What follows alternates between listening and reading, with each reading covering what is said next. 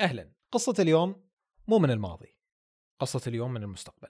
ما سوف يكون وما هو آتي في زماننا القادم ومستقبل العصر والأوان. واضح ما عندنا حل وسط. يا مرجعينكم معنا الأهرامات قبل آلاف السنوات.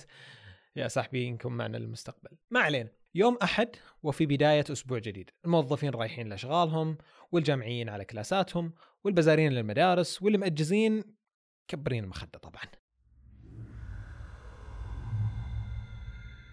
في هاليوم الهادئ تحديدا يصير اللي مش في الحسبان. مراكب فضائية تبدأ تحط في كل بقعة في سطح الأرض. أيوة بالضبط الفضائيين جايين يغزون الأرض. بس هم جايين ومعاهم خطة جاهزة ألا وهي الاستقرار في هذا الكوكب. كل واحد جايب قشة ومواعينهم وملابس عيالهم خلاص ما لهم رجعة جايين جايين. تعرفون بعد كوكب جاهز ومجهز ومتوفر فيه كل شيء من فينا ما يحب الشيء الجاهز. اللي عليهم بس إنهم يجون ويعقدون صفقة مع الأرضيين اللي هم إحنا واللي بتكون معايير الصفقة هذه كالآتي. يا أننا نندمج معهم ونعيش معهم بسلام مقتسمين الكوكب مع بعض أو أنهم راح يستحوذون على كوكبنا ويصيرون هم المتحكمين الرئيسيين والمسيطرين على الكوكب. طيب إحنا كبشر وقتها راح نكون بين خيارين. ما لهم ثالث. وفي الحالتين الحال على الكوكب راح يتغير سواء شئنا أم أبينا. لكن هل نقدر نجزم إذا كان الحال بيصير أفضل ولا أسوأ؟ ما أظن. عموما هنا نصل إلى ختام حلقتنا ونصل إلى ختام القصة لأنه خيالنا وقف وتوهقنا. قصصنا في الواقع مش مثل غيرها مو شرط كل مرة تأخذ منها عظة وعبرة لكن الهدف منها الأساسي أنها تخلق لك الروابط العجيبة اللي تخليك ما تنسى المحتوى اللي قاعدين نسويه. فكما هو الحال في عالم الأعمال في الكم سنة الماضية بين غزو وصفاقات وفضائيين يجون فضائيين يروحون أقصد يعني بشر يجون وبشر يروحون ف ما أدري الزبدة خلونا نبدأ الحلقة. هذا البودكاست من إنتاج محتويس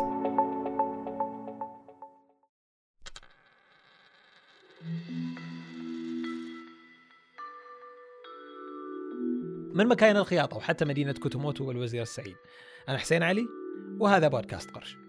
البودكاست اللي نستعرض فيه الماضي والمستقبل ونمر أحيانا على أشياء غريبة ما حد انتبه لها. لكن نفسرها بعين اقتصادية لأن الاقتصاد أكثر من مجرد ريالات نجمعها بريال. وانترنت سريع مرة ننعم فيه بحلقاتنا. خلوني أقول لكم الإعلان هالمرة بطريقة مختلفة. بس رجاء لا تقول لا تسوون skip. ترى في في مجهود. وأبي رأيكم في التعليقات علشان كل مرة أكتب لكم إعلان يغير عليكم. طيب.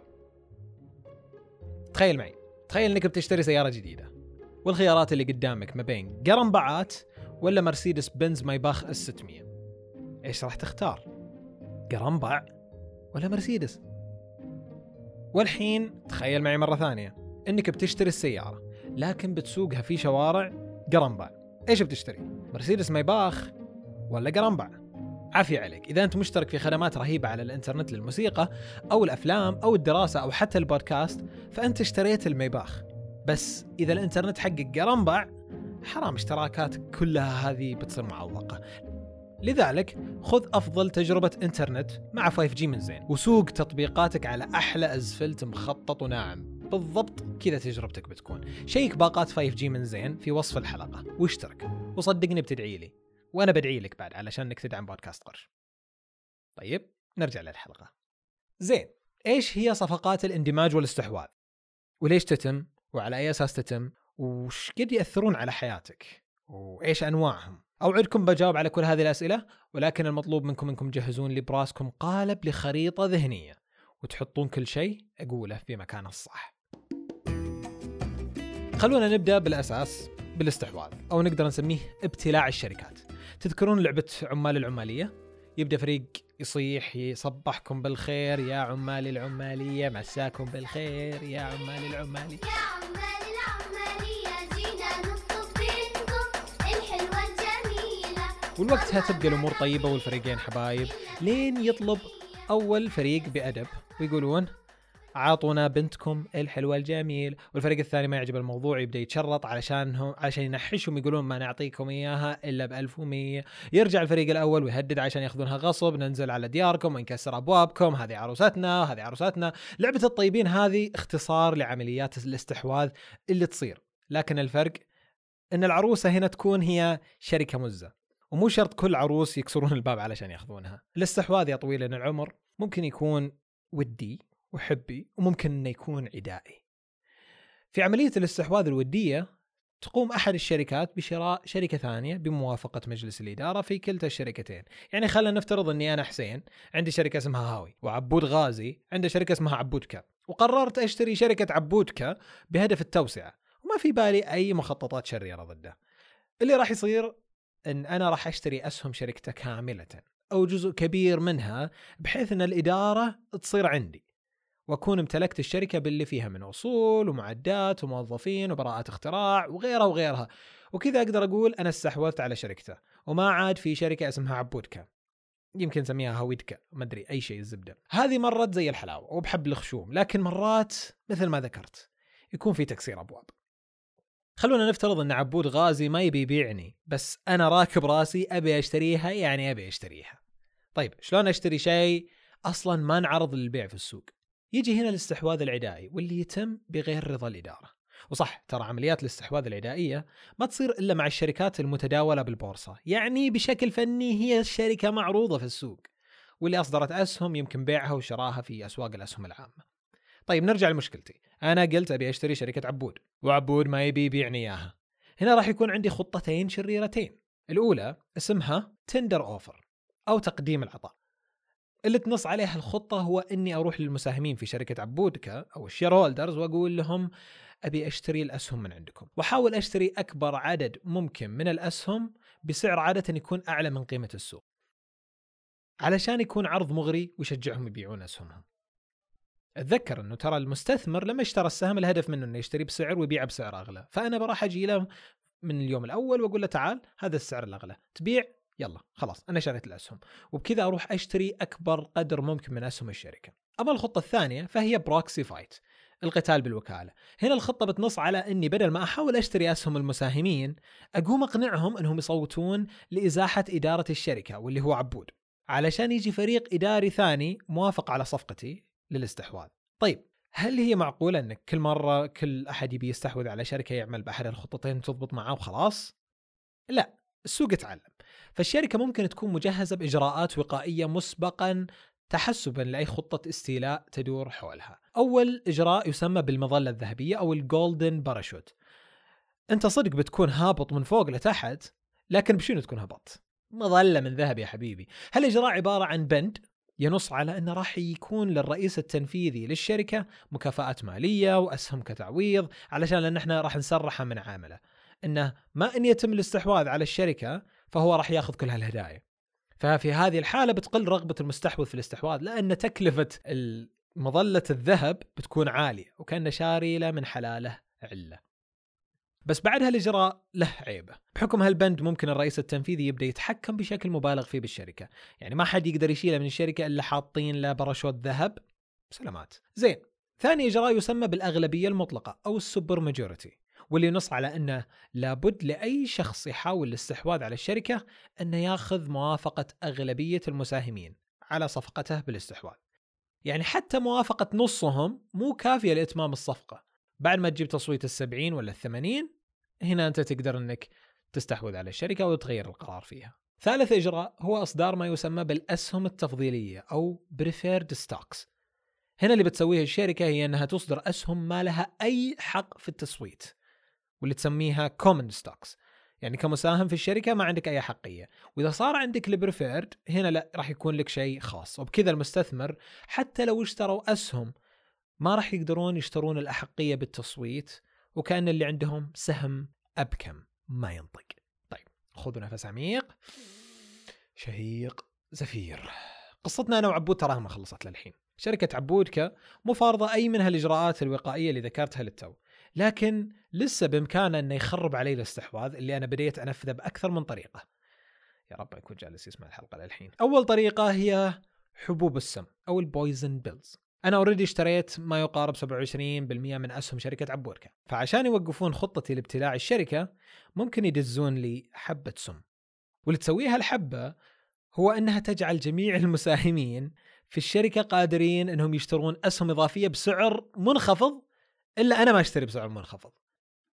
يعني الشركة تقدر إنها تطلع أسهم جديدة وتبيعها برخص التراب على نفس المستثمرين بس أنا أظل قاعد بال 27% اللي عندي. كل ما بغيت أشتري سهم جديد أشتري بسعر أغلى.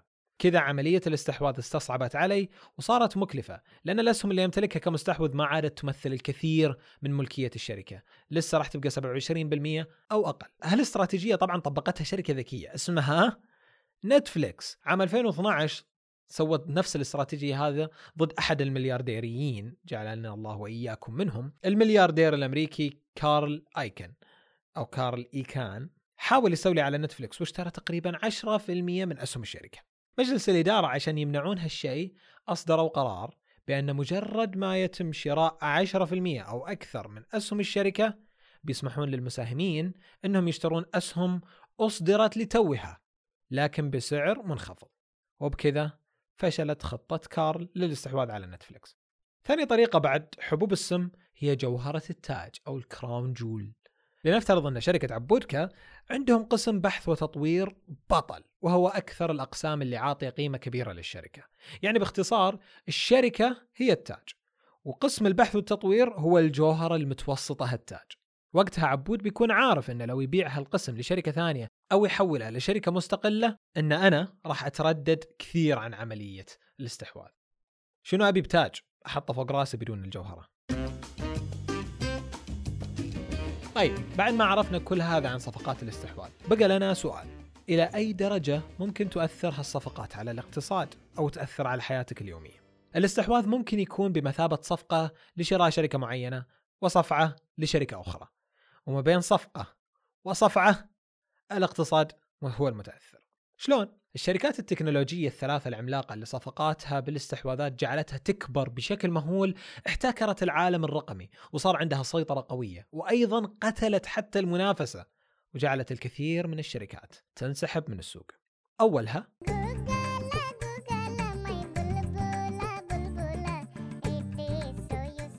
عمو جوجل. اللي استحوذ على ما يقارب 200 شركة ويمتلك 70% من حصة السوق لمحركات البحث حول العالم. كل ما تدخل في أي موقع في الإنترنت وتبغى تبحث عن كلمة معينة ثق وتأكد أنه 70% من عمليات البحث حقتك راح تكون جوجل. ولا ننسى أنه مستحوذ على يوتيوب واللي غير مجرى استخدام الفيديو في العالم وقضى على منافسين كثير. نيجي بعدها للي أتوقع إن العالم ما يحبونه بس يحبونه بس ما يحبونه وهو فيسبوك مارك زوكربيرج اللي استحوذ على انستغرام واتساب ماسنجر فأصبح المسيطر الأول على ال social media تقريبا وثالثهم اللي أشهر من نار على العالم امازون ما أتوقع لحقتوا تنسون استحواذها على سوق دوت كوم واللي هدفها منه كان الدخول لسوق مختلف ألا وهو السوق العربي علشان تستفيد من ثورة التجارة الإلكترونية اللي جالسة تصير فيه حاليا. وجاء بعده استحواذها على هول فود واللي يعتبر عملاق تجارة الأغذية في أمريكا. وطبعا بدخول قوي من أمازون هبطت أسهم شركات تجارية عديدة وأخرى أعلنت إفلاسها وأخرى سرحت موظفينها لدرجة أن السيناتور الأمريكية إليزابيث وارن قالت أنه حان الوقت لتفكيك بعض هذه الشركات فإن الأرقام تمثل شيئا من الحقيقة المزعجة بغض النظر عما قد تقوله الشركات عن المنافسة. فلكم أن تتخيلوا قوة سيطرتهم على الاقتصاد العالمي اللي السيناتور الأمريكي قاموا يطلعون يقولون وي وي إيش قاعد يصير هنا؟ دقيقة لا هنا لازم نفكك لازم نخرب شوية. يبدو أن أخذتنا السوالف عن الاستحواذ وما مدانا نجيب طاري الاندماج وحاليا وصلنا لنهاية الحلقة. إيش بيصير لو قررنا نندمج مع الفضائيين وما نخليهم يستحوذون على الكوكب؟ أول شيء لازم نتعلم لغتهم. أعتقد وقتها كامبلي بينزلون كورسات لغة فضائيين. بس لين يجون الفضائيين ودي إنكم تطلون على وصف الحلقة. كامبلي متعاونين مع بودكاست قرش واعطونا كود خاص فيكم يا حبايب. اسم البودكاست هو قرش. استخدم كود الخصم وابدأ كورساتك معهم. جدول حصصك الدراسية وتقابل مباشرة مع اللندنيون وتعلم منهم إنجليزي. كامبلي تعلم الإنجليزية بلمسة. طيب كيف نندمج مع الفضائيين؟ هذا ما سنعرفه في الحلقة القادمة. قام على إعداد نص الحلقة فاطمة زهير الادميه هذه جالسة تعطي لمسة عبقرية في بودكاست قرش. قدم لكم النص أخوكم حسين علي. الإنتاج الفني والنشر والتوزيع من شركة محتوايز. بودكاست قرش هو أحد منتجات شبكة محتوايز. دمتم بود. حبوا بعض. ولا تتهاوشوا مع الفضائيين. يلا انتبهوا لنفسكم أوه لا لا لا لا. دقيقة دقيقة دقيقة. بالمناسبة في في صديق من في صديق وشقيق من الإمارات الشقيق كان زعلان علينا. بالله راضوا قولوا له ما بنسوي حركات مرة ثانية وما بنزعل أحد. وإذا سمعت الحلقة تواصل معنا على الإيميل حسين محتوايز dot net حسين H U S S A I N at محتوايز dot net أبي أسمع منك أكثر من الجمهور. وإذا في مواضيع حلقات أو أحد بعد زعلناه بالله تواصل معنا وما لك إلا طيبه الخاطر. يلا الحين من جد نشوفكم على خير.